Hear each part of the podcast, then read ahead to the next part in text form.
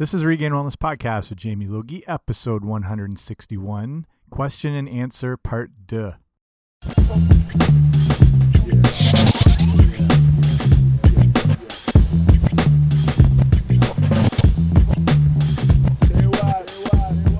Hey guys, what's happening? Welcome back to the podcast. I'm Jamie Logie. I run regainedwellness.com, and you're listening to the Regained Wellness podcast of the same name. Thanks for coming on out. If you're brand new, extra special, welcome.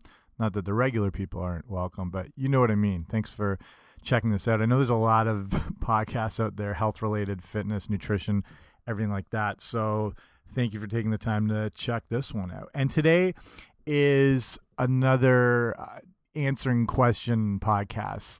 and I get a ton of things either you know through email or I use that the website Quora Q U O R A which is where people who are you know experts unquote in various fields are on and people can direct questions to them on everything so it's answering a lot of just general things that have come up so hopefully things you've maybe thought about at some point. It's that, that idea that if you have the question, everyone else probably does as well too. So cover like a wide range of stuff. So hopefully there's new things you'll learn, um, maybe some new insights. So let's get into it. So it's yeah, kind of like a potpourri, if anything, of all these different um, questions, and you know some I, have covered before, but they're I think they're worth you know rehashing and going over again. So I'll dive right into it. So the first one is from a Blake Bauman, and what are some of the most protein dense foods?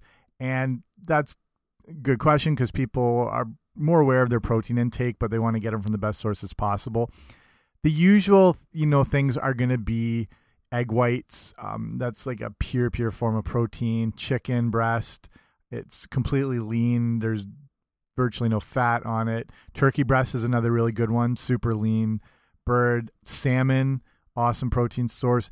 Beef, if you can find like a really good, lean, you know, natural, pasteurized, grass fed type beef, um, it's going to have a higher fat content than say the turkey breast or the chicken breast. But if it's from a like a good animal like a grass fed and finished organic naturally raised pasteurized animal the fat content is going to be more that beneficial like really good omega-3 fats um, cla fat it's conjugated conjugated linoleic acid which is good for um, it's got things like you know anti-cancer properties to promoting the burning of body fat and lean muscle. So that's good source there source there. Whey protein is probably one if you can find a really natural un you know avoiding artificial flavors and sweeteners and just a plain one is still one of the standards of the cleanest and most dense proteins out there because it's just pure protein from the you know it comes from cheese production you know the curds and whey and the whey is when it's separated it's a liquid form and then when it's um, produced and hopefully it comes in more of a, like a cold filtered process so it's not as denatured from the heat. You can find lots of really good ones and it's just it's got the highest what they call biological value of protein where it means how your body will utilize it and absorb it and whatever. And so say like an egg white is you know one of the highest standards that they measure protein biological value against.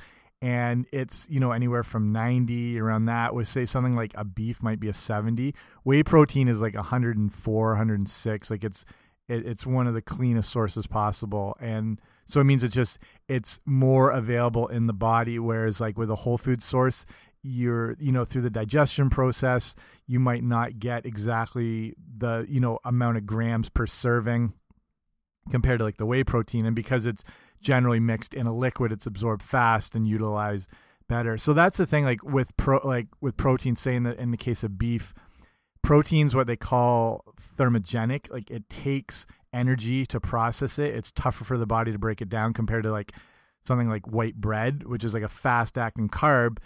It's quickly absorbed or you know any sugars stuff like that. So with a protein like with a, a whole foods protein source like the beef 30% of the nutrition in it is used just to like digest, absorb, process what you're eating. So you're not, you know what I mean? You're not getting necessarily the full amount. Like, say it's 50 grams of protein um, and you know however many calories and whatever 30% of that is used just to process itself. So that's what it means it's thermogenic. It uses calories that your body has to like burn calories. It raises your metabolism a little. So it's you know kind of a joke when people talk about the meat sweats but it's a legit thing um, in the case of protein.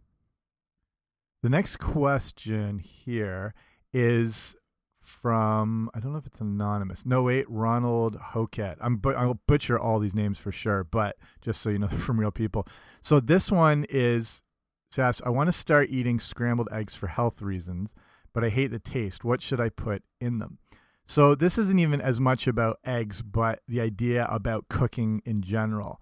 And eggs can be good again if you're getting the cleanest source possible if you can find them from real farmers markets where you know it's from chickens that are free range and they're you know they're fed organic feed. They're not pumped full of hormones. Eggs eggs always get a bad rap, and it kind of I mean depends who you talk to, especially like you know the cholesterol issue and whatnot. Uh, the, the main reason to stay away from eggs or limit them is if you have any potential heart disease issues or uh, diabetes or whatever, and then it's more limiting it to like you know one to three a week. But for the average person, like having one a day or whatever's not, or a couple of days, not too much of a big deal. If you're really concerned, you know, take the yolk out for every other egg and just go with the egg white, so you're just getting the, the pure protein. But for the question about like hating the taste of something and wanting to you know eat it for health reasons. I mean you don't have to limit yourself to that specific food. I mean that's why it's good to sort of have a wide range of things you like and things you can try. So it means sort of branching out and expanding your horizons more or less to sort of find those healthy things that you do like. But after that you can create any flavors you want in in cooking and it starts with just adding spices herbs. You can create so many combinations of flavors. I guarantee you'll be able to find something you like. Like if you can buy one of those, you know, those big packs of those different herb combinations, like you'll have, um, you know, it'll have garlic powder, onion powder, or um, like a chipotle flavored one, or um, curry powder, or cumin, or turmeric. You know, all that sort of stuff. Buy a big combinations of things like that, and then you can put together different mixes. Like if you use like I I like to do say like a garlic powder, throw in a bit of chili powder, maybe a bit of cayenne, and you can make sort of more of a almost Tex-Mexy spice combination and completely change the the flavor of the whole thing. You, I mean, obviously seasoning your food with ground pepper. If you have it, get a good like sea salt, like a Himalayan sea salt if you can. Completely changes the flavor. Get herbs. Herbs are known as like the sort of toolkit of the chef. That's how all you know they they enhance dishes. Get oregano, basil, throw you know throw the salt and pepper together. If you have fresh, that's awesome. Like you can grow these things very easily or buy the plants, keep them on a windowsill wherever or outside depending what your setup is. But like the dried stuff's just as good and with those herbs you're getting a lot of antioxidants in it, especially things like sage and thyme, um, oregano. So I mean, play around. There's there's so many combinations and possibilities. You're bound to like uh, or find a flavor combination you like. I mean, most people are really partial to things like garlic, uh, or you know maybe a bit of Parmesan cheese, just like something, and you'll you can change every dish every time and make it unique and more pleasing to you. Next question is a good one by I'm not even going to try and say this name because I'll completely screw it. So um, the question is, what if I stopped going to the gym for two months? Would I lose some muscle mass? So you may lose a bit, but that depends on what your diet's going to look like during that time. If you're keeping your protein intake up, um, it's you know you'll you'll keep some muscle mass. If you're keeping your calorie intake up, you're less likely to have your muscles atrophy. I mean, they might a little. Uh, keep water intake uh, is going to be important. Still getting you know that half your body weight in ounces of water each day. I mean, your muscle muscle fiber and muscle size are almost two different things. Like your muscle fiber is the actual tissue, which is a bit you know it's smaller, more concentrated. Muscle size involves other things like that, like in your muscle cell, like water, protein storage, even like carbohydrate storage through glycogen. So you can have bigger muscle, but it's you know, so it's not that it's an illusion, but it's more the fullness of the whole muscle as opposed to straight muscle tissue. So when you when you keep those things high, like your protein intake, your water, your calories, you'll let you'll be less likely. You'll probably lose some. Um, again, it depends. If you're just going to be sitting on a couch for two months, yeah, you'll probably lose a decent amount, um, and just from the inactivity. But if you're still like, I don't know, walking around or, or being active or you're on your feet more, you might you, you know you might preserve a bit, but there there generally be some. The the only thing is if you're at a decent level of musculature or you know with lean muscle mass amounts the the one good thing is you have what's called muscle memory so when you do get back to working again even if your muscles have become smaller atrophied a bit or shrank you know however you like to look at it. When you do start working out again, that muscle memory is still there. And the, it's like the muscle remembers the size and shape it once had, and it can get back to that stage quicker. So compared to someone who's, you know, hasn't worked out before, the person who's already had those gains, before, you know, previously is going to get to them quicker just because of muscle memory. Next question is a specific uh, weight training question from Dennis Alke. And which exercise do you consider the most important at the gym for a bigger upper and lower chest? So if this pertains to you, if you're looking for, um, you know, upper body strengthening, muscle mass gains, honestly, the flat bench press is still the king for building your your pecs and your chest, upper, lower, and whatever. Um, as they work the most amount of muscle tissue at once. You can do things like decline bench presses. Um, incline inclines in are really good whether it's dumbbells dumbbells or barbells with decline bench presses or things where you're not flat you're not able to lift as much as you can on a regular flat bench and this higher amount of weight is what leads to more optimal in this case chest development there's more recruitment of muscle fiber and a larger amount across your whole chest. And when you actually look at when they do like so the MRI imaging of muscles that are being worked by the different exercises, the flat bench actually works the lower and upper part of your chest more than the decline or incline bench press would. So it's still I'd say, you know, it's still what you want to make as your core movement if you're doing a um, upper body chest sort of day in the gym. That you after that you do want to add in things like you know some incline um, dumbbell presses just sort of targets a little bit different um, and kind of gives it a different stimulus for more growth and, and development. You know things like body weight dips are really good again for more stimulus. And you know you can mix in those other things but the, the flat bench press is still the the optimal movement for any type of like chest shoulder upper body development this next question is from Lindsay. Hey, Lindsay. Um, and a good sort of general overall question, hopefully beneficial to you listening right now. What are some little things I can change my lifestyle to lead a healthier life? So, again, I can do entire episodes devoted to this, which I probably have as well. But the idea is to make small changes, but do them slowly. Don't take on way too much at once.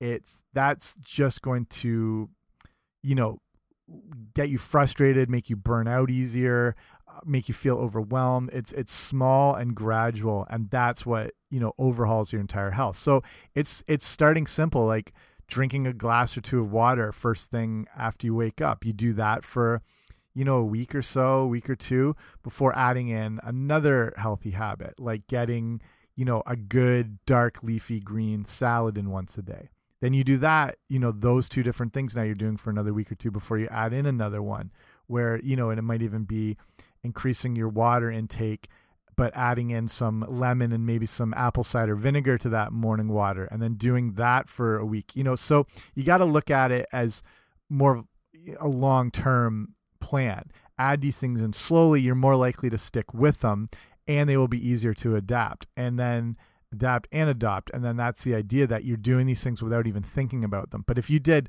if you try to do 10 brand new habits in the first day it's just going to be too much of a shock to the system.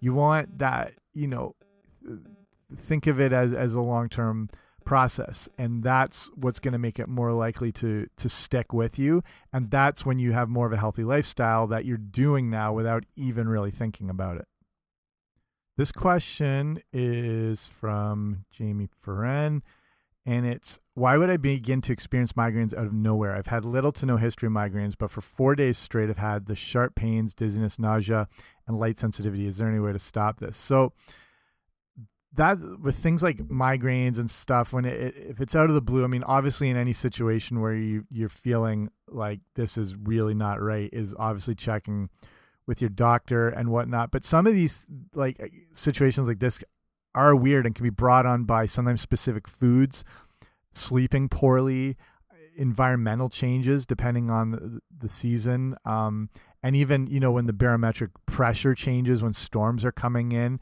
they think that our um, we've evolved or we developed um, this these this reaction to you know changes in the pressure by getting headaches as a signal to our body that there is storm and bad weather coming you know when we were more paleolithic times or whatever where it was sort of that indicator that we needed to get indoors and it was sort of like a trigger that that the weather was coming in and changing. I don't know how true that is but you know even just like stress can bring these things on. Um the the thing in that situation you know you want to keep things dark quiet you know even ice packs on the head caffeine can help combat the effects of headaches and migraines but is never an indicator of what may cause them so it's if it's something that happens again it's you know, or, or after it happens, it's not a bad idea to journal what you're doing and what you're eating. And then if something comes up, you can kind of look back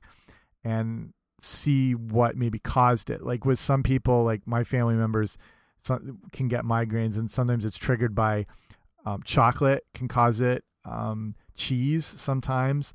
Um, there, you, you never know when something like this is going to pop up, but it could be a combination of all those different things. Like you haven't slept properly, um, you know the the weather changes but then you're you're stressed at the same time and then bam it just hits you out of nowhere so it's you know kind of keeping an eye on things that you're doing.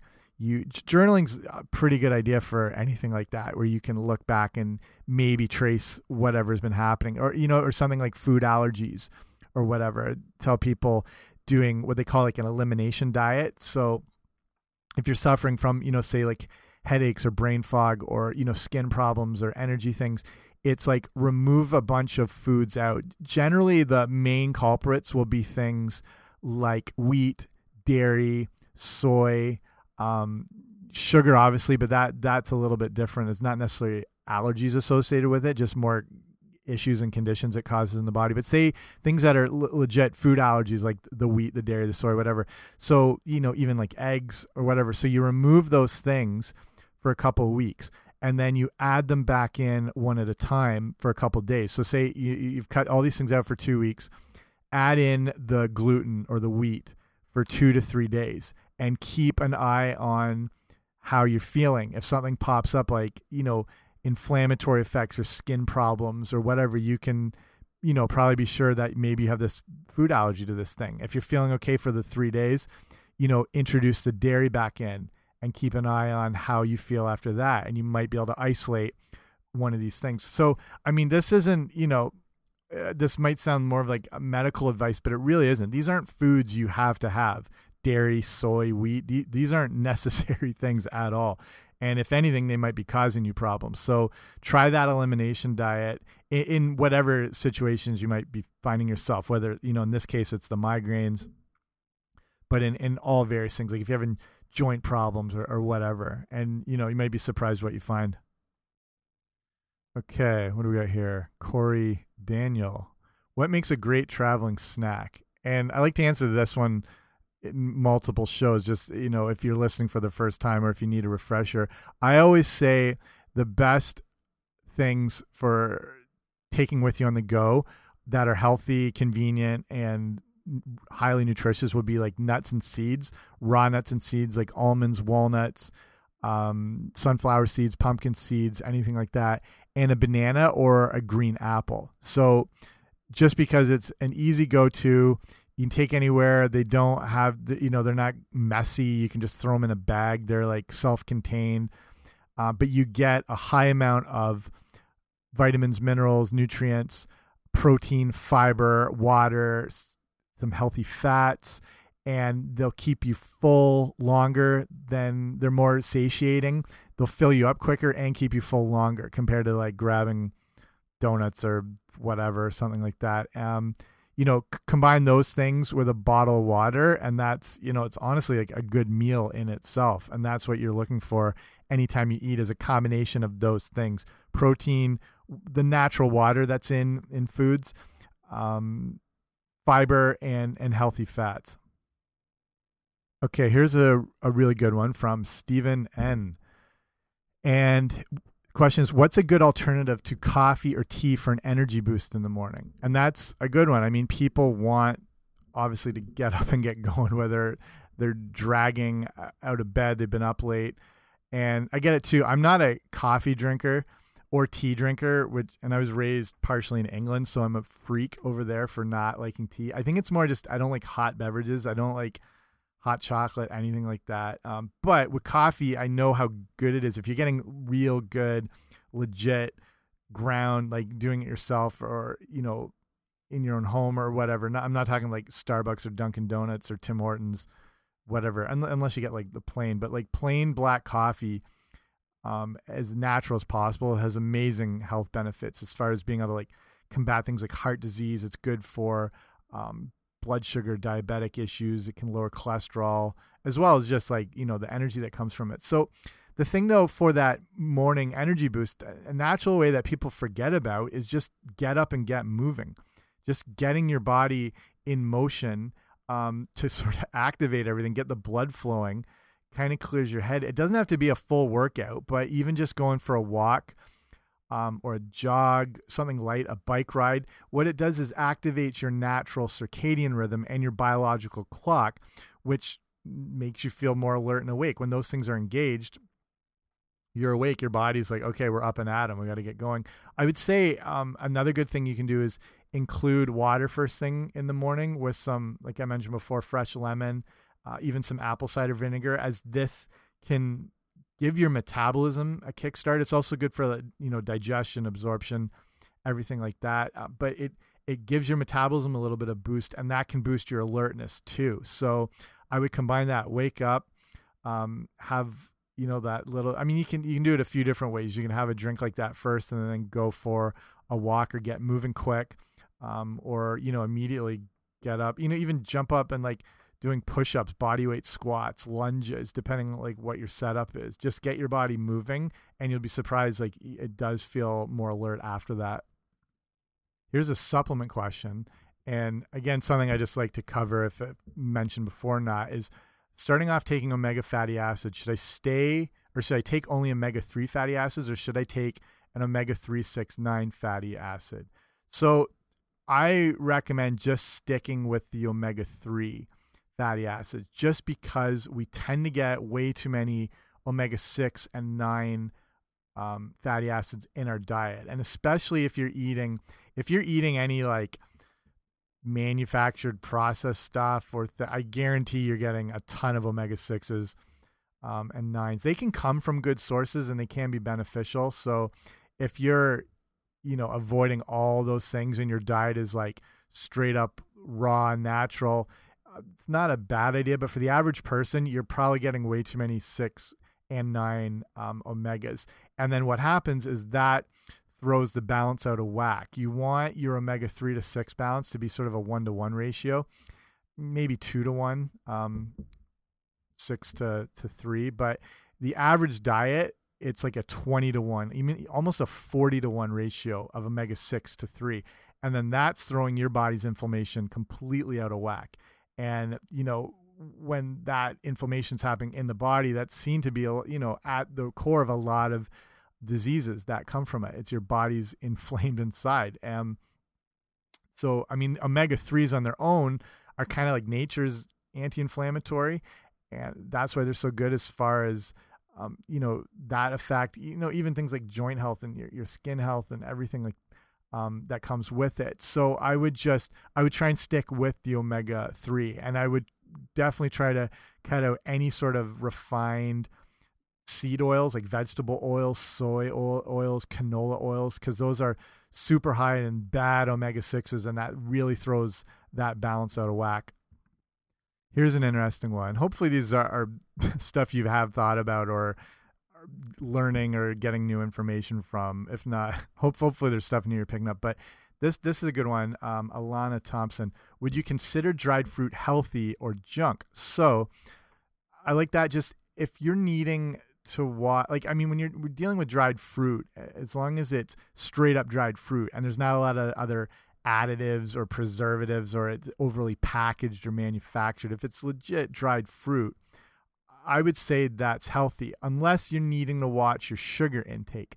If you have blood sugar issues, diabetic issues, and you do want to be careful because dried fruit still contains a good shot of natural sugar. It's a little more concentrated.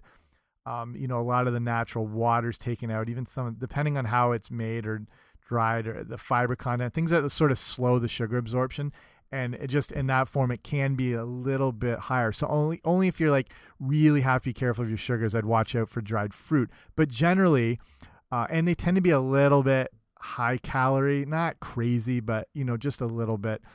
Um, and because they're easy to eat, you know, they're they're sweet, they're chewy. You can throw a lot back compared to like if you're eating them in their natural fruit form, you wouldn't be able to have as much because you get full quick because of the natural water and fiber content and everything like that. So that's the only thing I'd say to watch out for. But it, it to me, it's still going to be healthy.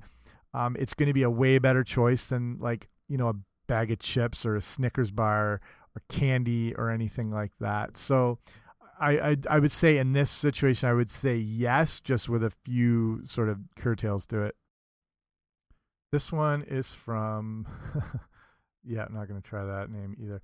So, a good sort of general thing, but how should I motivate myself to go work out? So, that that's a, a legitimate issue. I mean, I get it. Like, I, I love training. Sometimes you just don't necessarily feel like it, or, you know, depending if you're at a gym or whatever, you know it's you if you have to drive there and you got to fight the traffic and find parking and sometimes you just don't feel like doing it or you're just too run down or whatever so there's a few things you can do the first thing is just tell yourself you're only going for a 15 minute workout and like if you're normally doing an hour hour and a half or something you know you, you know it's it's going to be good it's going to feel good you're going to benefit from it but you're just the process or the uh, having to think about going through the whole thing when you're not necessarily wanting to, it's a little unmotivating. So just go and tell yourself you're just going to do 15 or 20 minutes. You're going to just do like one set of each exercises compared to the normal like three or four, or you're just going to do a short little circuit. Um, not making a short circuit joke. I missed that movie. Or just like a little bit of cardio. And then when you do get there, you're more likely to maybe pick up on the, that momentum and go a bit longer. But at least if you even you cut it off at 20 minutes and make it a point to cut it off, you're still being active and you're still doing something that's, you know, opposed to you sitting on the couch and not doing anything. Um, if it's in that case, like, you know, I said, like, you don't want to fight the traffic and, and I totally get that. The gyms I go to, the average person lives seven minutes from their gym um, because people just don't want to go too far, which I totally get. And so the ones in my case, it's probably exactly the same. A few different ones I go to. So I try. I hate driving. I just I hate fighting traffic and people, um, and how long it takes. And it's so by the time you get there, it can be so frustrating. So I bike everywhere I can, and I can bike to the gyms. And that's awesome because I can control my pace and get there as soon or as long as I want to.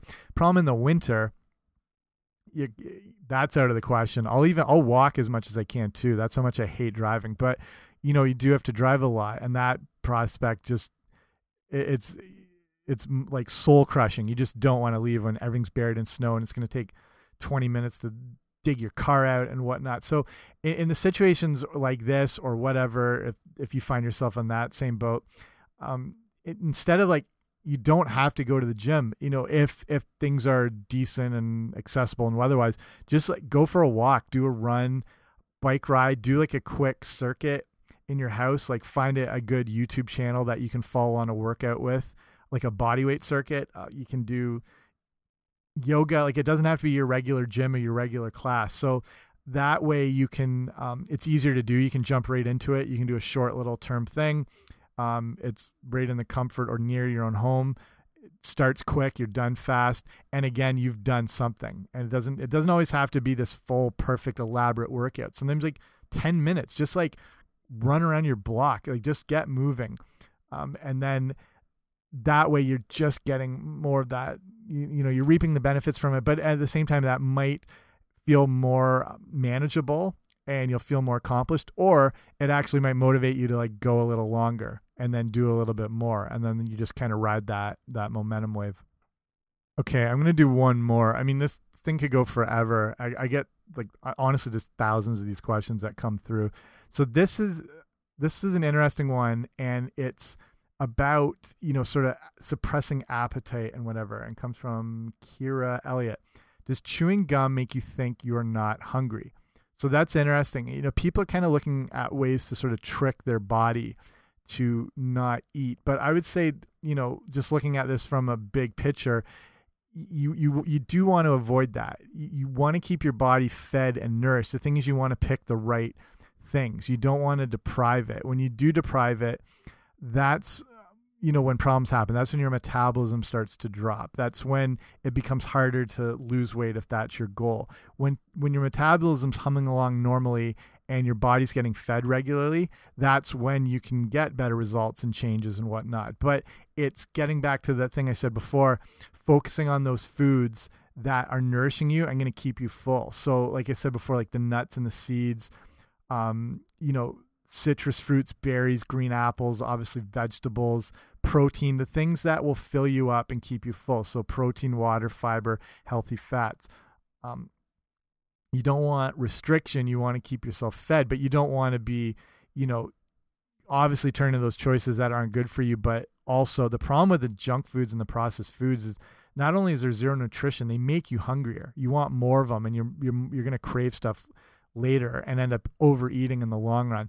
And you know, in that case of saying like that that little meal of like the green apple, the raw nuts and seeds, the bottle of water, you're not going to be hungry for a while. You're not going to be craving sugar and stuff like that. So in the case here, this is interesting with chewing gum, and I know some people do this because they think it, you know, their body thinks they're not hungry. Here's the problem: is it can cause when you're chewing gum, it can cause problems by releasing digestive enzymes and stomach acids that come from the act of chewing. When you're chewing, your body just thinks it's about to get some food, so it prepares for digestion. It doesn't know you're eating this stick of Trident or Trident a gum, Wrigley, whatever, you know, any sort of gum. It just knows the chewing motion's happening. It's got to get ready to digest and process food. So, you know, it releases those enzymes and the stomach acids. And what happens sometimes from chewing gum is it can lead to like bloating, cramping, even like gas possibly. So if you've ever noticed that uh, from chewing gum, that's sometimes the reason why.